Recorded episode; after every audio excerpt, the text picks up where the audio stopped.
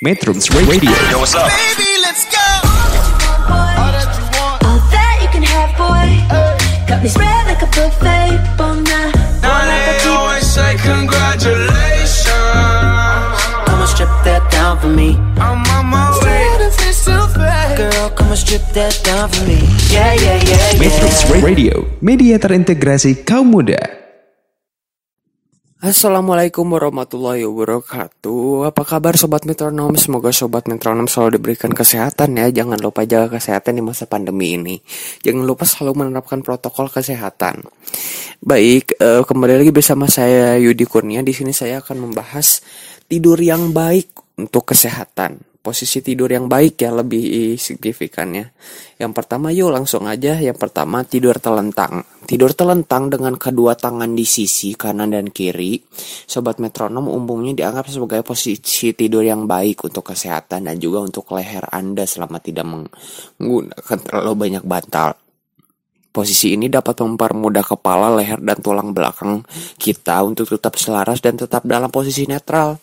Karena tidak ada tekanan ekstra pada tubuh bagian belakang. Maka ini adalah posisi terbaik untuk tulang punggung sobat metronom. Dan yang kedua, posisi bintang laut. Ini cukup unik ya. Posisi telan dengan kedua tangan di samping kepala juga baik untuk kesehatan. Posisi tidur ini juga dapat mencegah kerutan wajah dan kulit berjerawat. Menurut Dr. De Conte, Jime, seorang ahli saraf di Norwood Clinic, Birmingham, tidur telentang juga dapat memerangi reflux asam lambung. Berbaring telentang berarti kepala terangkat dan perut mampu berada di bawah kerongkongan, sehingga lebih kecil kemungkinannya untuk zat yang telah dicerna kembali ke kerongkongan. Sangat penting untuk dicatat bahwa tidur dengan posisi ini dapat mengakibatkan berdengkur. Selain itu, menempatkan lengan-lengan menekuknya di samping kanan dan kiri kepala sobat metronom akan mengakibatkan banyak tekanan pada saraf bahu yang menyebabkan sakit. Dan yang ketiga, tidur menyamping. Tidur menyamping bermanfaat bagi orang yang menderita sleep apnea obstruktif, berhentinya napas saat tidur. Orang yang sering mendengkur dan yang sering mengalami sakit pada leher dan punggung, serta bagi mereka yang sedang hamil. Posisi ini bermanfaat dalam membuka orofaring yang sesak. Hal ini juga dapat memanjakan tulang belakang yang dapat membantu meredakan nyeri punggung.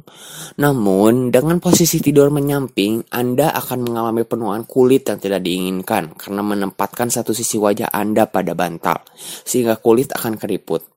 Arah ketika Anda tidur juga memiliki manfaat tertentu. Tidur menyamping ke sisi kanan dapat melonggarkan tekanan pada hati, paru-paru, dan perut. Sedangkan tidur menyamping ke sisi kiri dapat mengurangi reflux asap lambung.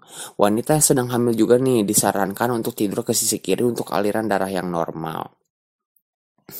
Ya, sekian aja ya dari pembahasan kali ini. Mohon maaf apabila ada salah-salah kata. Yudi Kurnia izin pamit. Wassalamualaikum warahmatullahi wabarakatuh. Metrums Radio Cause I can't get crazy. Media terintegrasi kaum muda